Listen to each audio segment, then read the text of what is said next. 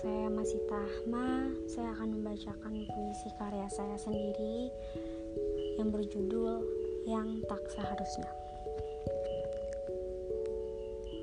Matamu yang indah, besar bak rembulan,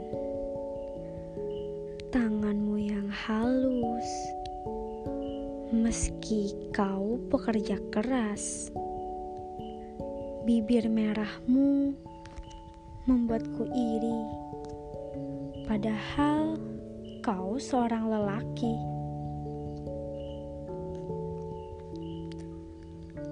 Rembulan itu tak hentinya menatap diriku.